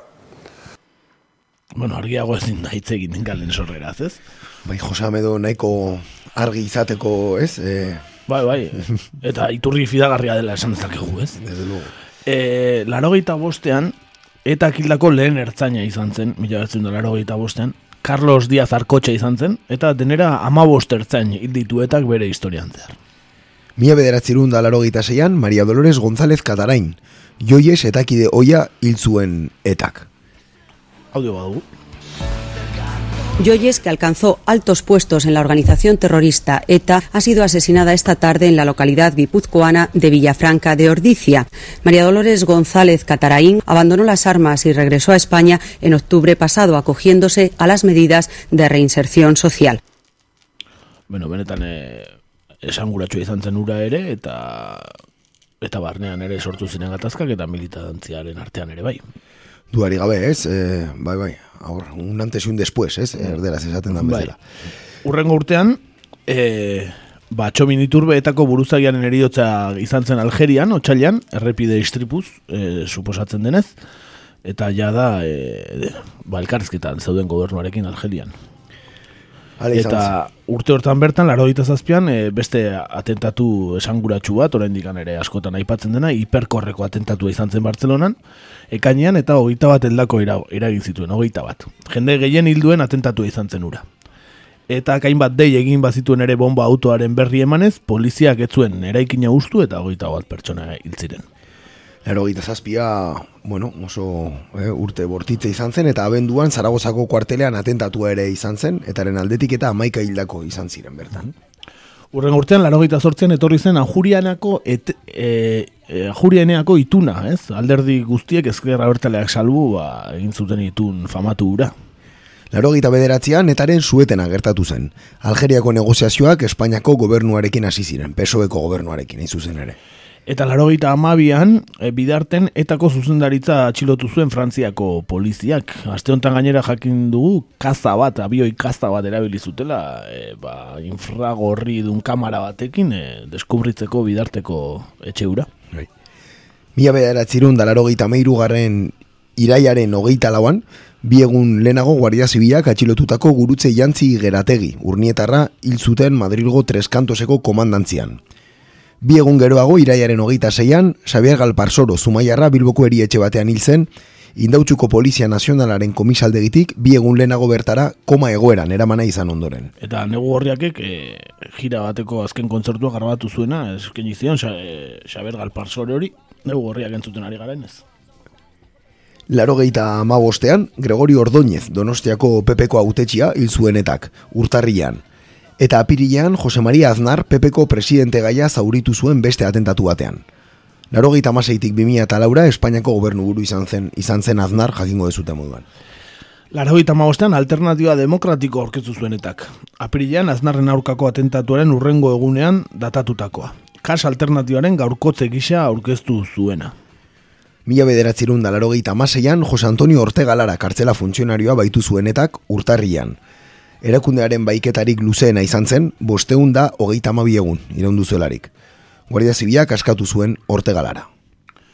Laro gita mazazpian, ezkerra bertzaleko erakundeen aurkako operazio polizial eta judizial sortaren hasiera, etarekin lotuta, HBko mai nazional osoa kartelaratu zuten, laro eta mazazpiko txailan, eta kas e, legetikat utzi zuten laro eta mezortzian. Amisteren aldeko batzordeak, 2000 batean, batasuna 2000 an eta horrela ba, inbeste alderdi politiko ilegalizatu, eta alaber gogoratu laro eta emezortzian egin egunkaria etxi zutela, eta 2002an e, egunkaria, Euskaldunon egunkaria ere bai. Urte berdinean, laro gita mazazpian, Miguel Ángel Blanco, ermuko pepeko autetxia hil zuenetak ustaian. Etaren eta ezkera bertzalearen aurkako mobilizazio haundia eragin zuen horrek. Hori da, herri honetan ere egin zen manifestazioa. Laro gita emezortzian, etaren suetena etorri zen, Lizarra garazi ba, alderdi abertzaleak batu ziren eta PPren gobernuarekin negoziazioak eh, hasi zituen etak. Ezkerra abertzaleak eta Espainiako gobernuak ere ba hori hitz egin zuten beraien artean eta adibidez aznarrek egiten zituen e, ba deklarazioak garaiaietan ba ez daukate zer ikusirik adibidez oraintxe Rajoyek egiten dituenarekin. No tiene pena. Pero la paz sí tiene la determinación del trabajo por ella y tiene claramente la determinación de facilitar cosas, de ser generoso y de tener un espíritu abierto y una mano tendida a que esa situación de paz pueda consolidarse y podamos disfrutar todos de ella y muy especialmente los españoles, todos que viven en el País Vasco. Gezurra badirudi ere, Jose Maria Aznar zen hori bai. Denborak ze mine egiten duen, eh? 2000 garren urtean, Jose Mari Korta enpresaria hil zuenetak zumaian. Eta 2006ko martxoaren, etaren suetena etorri zen loiolako negoziazioak e, eta EAJ eta PSren artekoak ere bai, eta etak e, eta Espainiako gobernuak ere negoziazioak izan zituzten, lehen aipatu dugun bi mai hoiek, e, mai politikoa, mai teknikoa, eta etak ba, bere komunikatu atera zuen bideoan, eta zati bat ekarri dugu. Euskadi Tascatasuna ha decidido declarar un alto el fuego permanente a partir del 24 de marzo de 2006. El objetivo de esta decisión es impulsar un proceso democrático en Euskal Herria para construir un nuevo marco en el que sean reconocidos los derechos que como pueblo nos corresponden y asegurando de cara al futuro la posibilidad de desarrollo de todas las opciones políticas. Ba, ziren, e, ba, negoziazio horiek, nun, protagonista gehienei, e, ba, eskerrak eman dieten gaur, e, bueno, aste honetan, e, Henry Dunan zentrotik. Bai, martxoan hasi ziren, e, bueno, zuetena martxoan aldarrikatu zuen etak, eta abenduan Madrilen barajasko atentatua egin zuen etak, artean, ba, bueno, ba, zuetenean e, zela. Bai, eta Jose, ui, Zapatero zen e, orduan presidente, eta aurretik egindako deklarazio batzuk jan behar izan zituen, eta gogor agertu zen prentsa aretoan Zapatero bera.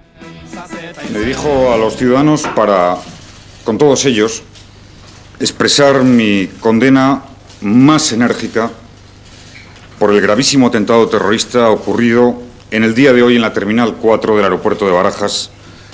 El 22 de marzo pasado, ETA declaró un alto el fuego permanente. El 29 de junio comparecí ante los ciudadanos para manifestar que el Gobierno estaba dispuesto a abordar un final dialogado del terrorismo en los términos expresados por el Parlamento en su resolución de mayo de 2005. Es decir, siempre que ETA tuviera una voluntad inequívoca de abandonar la violencia. El Gobierno considera que el atentado de hoy es absolutamente incompatible con el alto el fuego permanente que la propia ETA declaró hace nueve meses. Eta guzti horren ondoren, ba, bi urte geroago, negoziazioek badirudi jarraitu zutela, baina e, ba, bukatu zen e, bake bueno, ba, tregua ura edo, eta Inazio Uri enpresaria hiltzuten loiolan, e, bibia da zortzian. 2000 eta bederatzean, etak berrogeita marrurte bete zituen e, hasieran. Eta eguna urte hartan bertan, Jon Antza eta kideren desagerpena gertatu zen apirilean, eta urren urteko martxoan jakintzen haren gorpua Frantziko, Frantziako tolo, Tolosako purpan erietxean zegoela. Euskal Memoria Fundazioaren arabera, estatuen errepresioak mila batzun da irurogei eta bimila eta marra artean, lareun eta irurogei eta malau pertsona hil zituen. Jon Antza, azkena. Bueno, espetxe politikarenak eh, kontuan izan dizakegu hortik aurrera. 2000 eta bederatzean ere guztaian etaren azken hilketak gertatu, bueno, azken hilketak gertatu, ziren, markatu naita eragindakoak, Mallorcan bi guardia zibil e, hil zituen etak, 2000 eta marreko martxoan jendarme bat ere hil zuen Paris ondoan, gogoz kontrako eta ustekabeko enfrentamentu batean. Danera, zortzireun eta berrogeita mar lagun inguru hil dituetak mila bederatzireun da irurogeita zortzitik. 2000 eta margarren urtean ezkerra bertzalearen zutik Euskal Herria adierazpena atera zen eta bide politiko eta demokratikoen alde eta eta erakundeak ontzat jo zuen. 2000 eta maikan etaren zuetena gertatu zen urtarrian ezkerra bertzalearen apustu estrategiko berria berretsi zuen. Alde bakarrekoa, nazioartearen implikazioarekin eta indar zubiran izten metaketa indartze aldera. Mm -hmm. martxoan, e, zer gairautzaia bukatu zuela iragarri zuenetak, eta urte berean urriaren amaikan aieten nazioarteko bake konferentzia egin zen. Egun batzuk geroago urriaren hogeian, etak behinbetiko borroka armatua usten zuela iragarri zuen. Hau ere bideoan egindako deklarazioa. Honen bestez, nazioarteko komunitateak egiaztatu halko duen sueten iraunkor eta orokorra adieraztea erabaki duetak. Horixe da behinbetiko konponbiderako prozesuarekiko eta konfrontazio armatuaren amaierarekiko etak duen konpromisio irmoa. Eta amaitzeko, ba, aste hontako gertakariz gain, ba, gogorarreziko dugu, iezko apirilaren sortzian, eta behin betiko armagabetu zela gizarte zibilaren laguntzarekin, baionan, eta, bueno, zuloak zeuden toki hoietan, eta hortik aurrerakoa, ba, aste honetan gertatu dena, hori izan da gure etarei buruzko laburpena.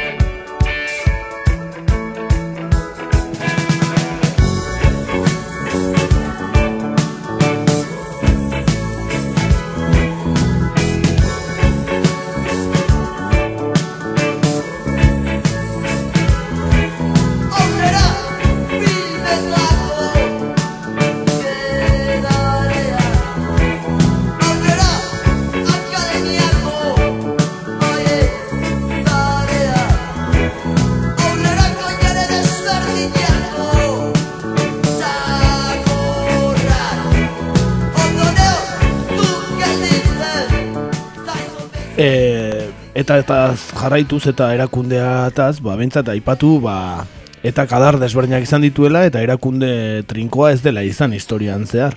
Zatik eta handiak izan dira, eta baita bat egiteak ere. Lehen esan bezala, berrogeita emeretzian sortu zen eta frankismo betean. Irurogeita marrean izan zen aurreneko banaketa. Fronte politikoko kide batzuek eta sesta eratzea erabaki zuten biltzar ez ofizial batean. Handik gutxira desagertu zen talde hori. Adar nagusiak baina jarraitu egin zuen. Nola nahi ere, irurogeita malauen etorri zen zatiketa entzutetsuena, ez? Eta famosoena, ba, eta militarretik banandu zen eta politiko militarra. Seigarren biltzar ofizialetik handitzen zeto zen arlo militarren eta politikoaren arteko ezadostasunak, eta haiek zatiketa bihurtu ziren. Eta politiko militarrak bere biltzarra egin zuen bi urte geroago eta legezkoa izango zen alderdi bat sortzea erabaki zuen, eia izenekoa. Eta politiko militarretik sortu ziren komando bereziak ere, Euskal Herritik kanpo ekintzak egiteko. Etzeuden biltzar horretan hartutako erabakiarekin ados, eta eta PM-tik atera eta lehenengo bidean zen eta militararekin batu ziren. Eta politiko militarren gelditu zirenek alderdiaren jardura lehenetxi eta arlo militarra alde batera uste erabaki zuten larogeita bian, lehen esan dugun bezala. Eta erabakiarekin, erabaki, erabakiarekin ados ez zeudenak, eta zortzi sortu zuten aurrena, eta gero eta militarrean sartu ziren hauek ere. Eta militarrak eta izena hartu zuen orduan eta gaur arte egonda bizirik esan bezala e, ber, beste barne zatiketarik gabe. Aipagarria, ba, ba nola e, etan ibili ziren militante batzuk nun gero politiko militarra sortu zuten eta gero azkenean e, ba, ba, erakunde armatu izatea utzi zioten, ba, inolako erantzunkizun penali gabe e, jarraitu zuten politikan. duare gabe, eta, bueno, gainera, e, postu nahiko importanteetan, ez, Euskadiko Ezkerraren kasuan, alderdi sozialistarekin egindako koalizio horretan, ez, bueno, Eta estatu espainiarretikan e, oso errelato oso beraien aldekoa egin dutela, egin dituzte pelikulak, serieak, eta bar, beraien izena, ba, Mario Naindia, eta Teo Uriarte, eta guzti hauetaz. Ez, eh, esan nahi dute, ba, oraine ezinezkotzat ematen dela, oraingo etako kideek hori egin dezaketen ikan, ez, eh, alderdi politiko baten barnean izan, militatu, eta bar, ez, ino- inolaz ere ezin da pentsatu orain hori egingo dutenik, ez, beraien eh, penak bete beharko dituztela, eta besterik ez dute esaten, ba, bueno, ba, gogorarazi, etako kide batzuk eh, utzi zituztela armak, eta ez zutela inungo ba, penarik bete karteletan.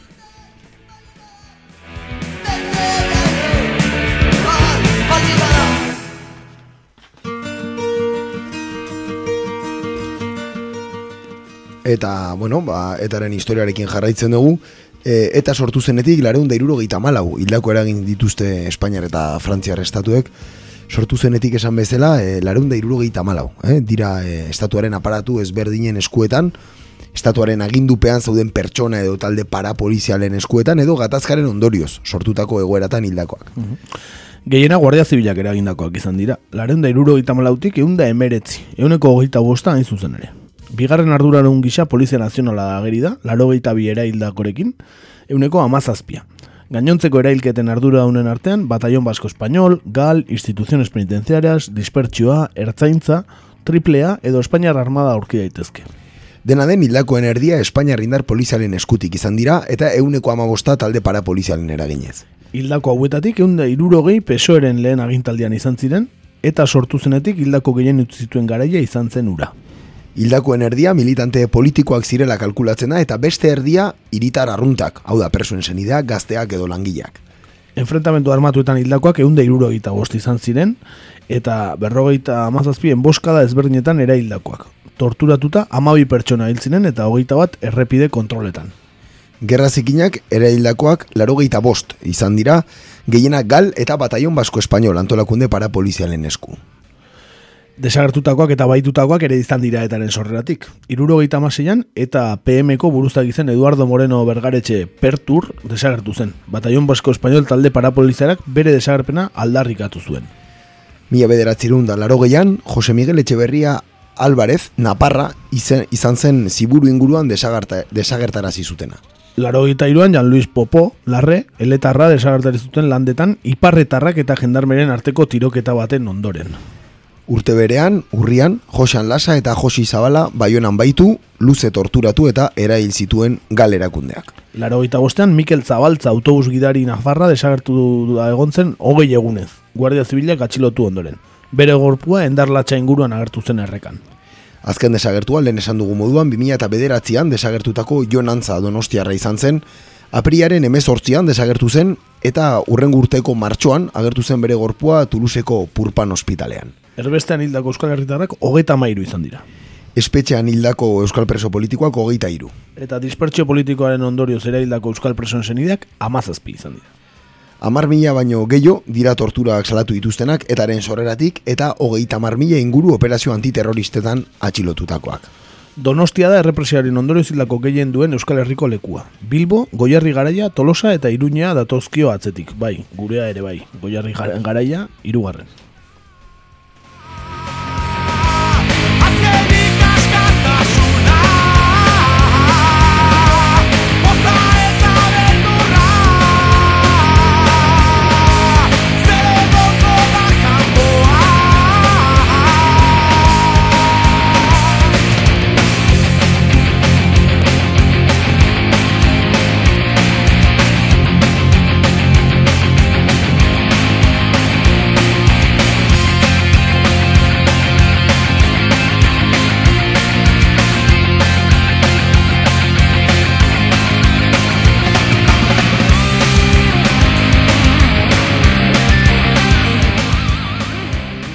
Eta aipatu ditugu estatuak hil dituenak, hoiek ez dira askotan aipatzen eta eta hil dituenak berriz ba askotan aipatzen dira eta kontu et, desberdinak ere bai, zenbaki asko entzun ditzakegu, batzuek puztu egiten dituzte, besteak, ez? Gugatera dugun datu figadagarrienean eta zortzireun dagoita zazpi lagun hil ditu guztira. Bai, jaurlaritzako terrorismoaren biktimen arretarako zuzendaritzaren arabera, eta zortzireun da hogeita zazpi lagun hil ditu guztira, e, badira esan bezala, zemak eta gehiago ere, ark iraunduen denboran, baina izan dira hildako gehiago ere. Esan dugun bezala. E, lehen aipatu dugu, Jose Pardines Guardia Zibila izan zela eta kiltzuen lehen pertsona, e, irurogeita zortziko ekainan hiltzuten bilaguanan Guardia Zibila jarritako kontrol batean. Handik aurrera eta irurogeita amabostean frankismo amaitu zen arte, hogeita amar lagun hil zituenetak jaurlaritzaren datuen arabera. E, da, datu horien arabera, garai horretan, hogeita sei lagun hil zituen Espainiako segurtasun indarrek eta bi talde para polizialek. Lehen komentatu dugu moduan, Melito Manzanas Espainiako polizia burua eta Carrero Blanco almirantea daude bilketa hoien artean. Mhm. Manzanas, Frankoren poliziaren donostiako burua zen eta torturatzaile ezaguna. Herritarren babesa izan zuen atentatu horrek, Carrero Blancoren kontrakoak bezala. Izan ere, azken ura hilda, ondoren gabe geratu zelako Francisco Franco. Frankismo amaitu ondoren, transizio garaia deitu zen horretan sartu zen Espainia, eta urte egiten egun dabi lagun hil zituen etak, iruro eta mezortzira arte. Hogeita mar izan ziren Espainiako segurtasun indarrek hildakoak eta zazpi indar parapolizalek hildakoak. Iruruta mabitik laro eta bira, eta PM, des, eta PM desagertu zen arte, berreun da berrogeita mabi lagun hil zituen etak. Hogeita lau Espainiako segurtasun indarrek eta hogeita mairu talde parapolizalek. Zenbakiz aparte, mila zen da larogeiko amarka gara izalapartatxua izan zen, atentatu moduen gatik. Larogeita seian, Dolores González Katarain, esan dugu bezala joies, zuzendaritzako kide hoia hil zuenetak, Estatu Espainiarraren errepresio planekin kolaboratzea egotzita. Urte bete geroago, Bartzelonako hiperkor supermerkatuko atentatua etorri zen eta esan bezalahan hogeita bat lagun hil ziren. Eta kain bat aldiz abisu eman zuen lergailua jarri zuela, baina ez zuten eraikina ustu lehen esan dugun moduan.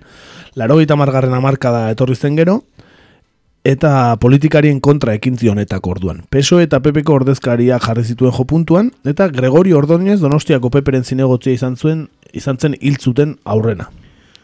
Soka hartan ezin egon gehiena sortu zuena Miguel Ángel Blancoren hilketa izan zen lehen esan bezala. E, suetenen inguruetan izandako atentatuak kritika ugari ere eragin zituen eta erentzat, adibidez Josemari Korta enpresa buru hiltzuenetak e, 2000 garren urtean. Lizarra garaziko akordioa hautsi zenean. 2006ko abenduan berriz eta ofizialki suetenean izan arren lehergailu handi bat jarri zuen barajasko telau aeroportuko aparkalekuan eta Carlos Alonso Palate eta Diego Armando Estacio hil ziren bertan. Eta haren azken hilketa, 2009an den ustailan eta marrian izan zen, da Jan Segren erin jendarmea izan zen, e, ba, enfrentamentu baten ostean, ba, ba, historian hilduten jendarme bakarra eta etaren azken eriota. Ba, hause izan da, prestatuta geneukan guztia etari buruz, Bai, saiatu gea, bueno, ba, etaren, bueno, azken, ba, bueno, bai azken unea eta baita ere bere historiaren laburpena alik eta txukunen egiten oso zaila da gure irratsaioak duen formatu batean, ez? Guzti guztia abordatzea eta guztiaren inguruko analisia egitea, baina, bueno, espero dugu behintzat, ba, bueno, hemeroteka egiteko eta eta gauzak freskatzeko zerbitu izana. Bai, eta agian medio, ez komunikabide nagusiek, eh, ba, esaten ez dituzten datu batzuk esateko ere balio izango zuelakoan, zeren, e, orantxe bertan dagoena, errelato horren e, ez da ez, edo gatazka zein ze errelato egongo, ba, beno, datu guztia mai gainean izatea garrantzitsua errelato horrentzat. Ba bai, ikusi beharko orain zer gertatuko den horrekin, zein izango den idatziko den e, historia, eta baita ere, ba, hemendik aurrerakoak nolakoak izango diren, e, bueno, badakizu, hemen gaur egurren aukera ez dugula galduko gauzeta hitz egiteko eta analisia plazaratzeko. Hori da, eta, bueno, ez dakit azkeneko aldi izango denetari buruz egiten duguna, e, etako militantei buruz seguruenik ez, e, ba, asko kartzelan daudelako, eta, ba, bueno, ba, gatazkak ben dirauen bitartan, ba, berari buruz hitz egiten jarraitu beharko dugu irratsaio honetan, naiz eta, ba, beste, ba, gizarte edo politika tal batzuk ere jorratu nahiko genituzken, baina, bueno, hau, eh, oraintxe bertan, hau da, e, garrantzitsuena edo ez mediatikoki eta guk ere ba, ba monografikoa egin nahi genuen. Hori da, bai, beraz hoxe, ba, hemen gure monografikoa, dena den, bueno, urrengo astelenean, ez, entzungo gara berriro ere, e, bueno, beste gai batzuekin, eta eta gure eskema tradizionalarekin esate bateako. Hori da, eta ba, bueno, pixka luzatu gara gaurkoan, ez asko, baina pixka bat bai, uste dugu merezi zuela, eta amaitzeko ba, abesti bikain batekin utziko zaituztegu, eta eta horixe, datorren astera arte, zei abesti entzungo dugu? Ba, Irlanda aldera joango gara. Eta Bobby Santek idatzitako ba, poema batzun abestia ekarri dugu. Eh, Song for Martzela, Martzelari idatzitakoak. Ba, ba, berak ba, bere gosegreba hasi zuenean, ba, idazte, idazteari egin zion poemak eta eta ba, hoietako bat atera eta ba, argitaratu egin zuen bere ondorengoa izan izan zenak eta ba jake maiatzaren bostean ere urteurren egin zen Bobby Sant hiltzela ba gure omenaldi txiki bat da Ados. baita ere ba Ir- Irlanda eta Euskal Herria beti nahiko gatazka antzekoan gaudenez ba, Ikusi besterik eta egon zeintzuk etorri diren nazioarteko Bai. harremanetako taldetikan, ez? Dudari gabe, bai, bai. Ba, horixe, ba, beste horrekin agurtzen gara eta mila esker horreteagatik entzule eta datorren astean entzungo gara. Hori da, eskerrik asko gaiztok izan eta estelen arte.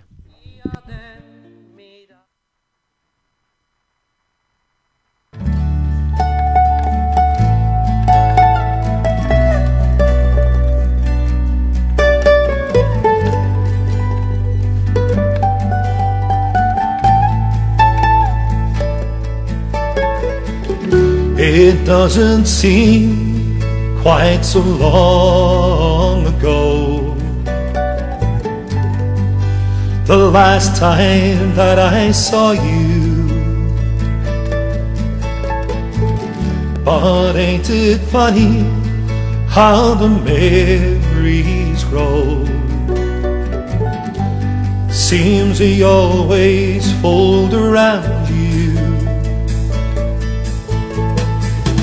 They try to break you in a living hell.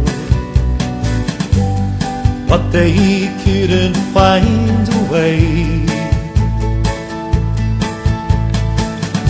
So they killed you in an eight block cell and hoped that all would turn away. They thought your spirit couldn't rise again, but you dared to prove them wrong. And in death, you tore away the chains. Let the world hear freedom's song. But the heartache and pain linger on. They're still here, though it's so long since you've gone. But we're stronger now. You showed us how freedom's fight can be won.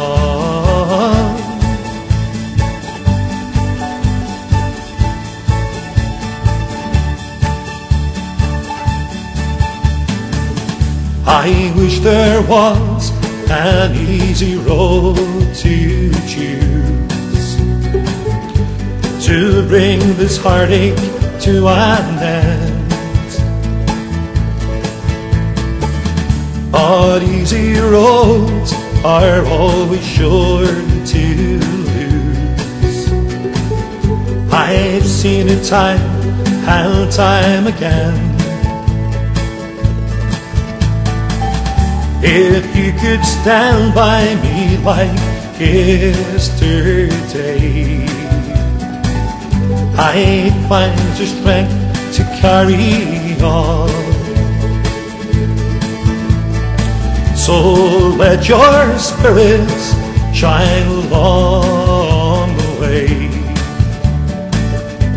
and our day will surely come. But the heartache and pain linger on. They're still here, though it's so long since you've gone. But we're stronger now. You showed us how freedom's fight can be won. If we all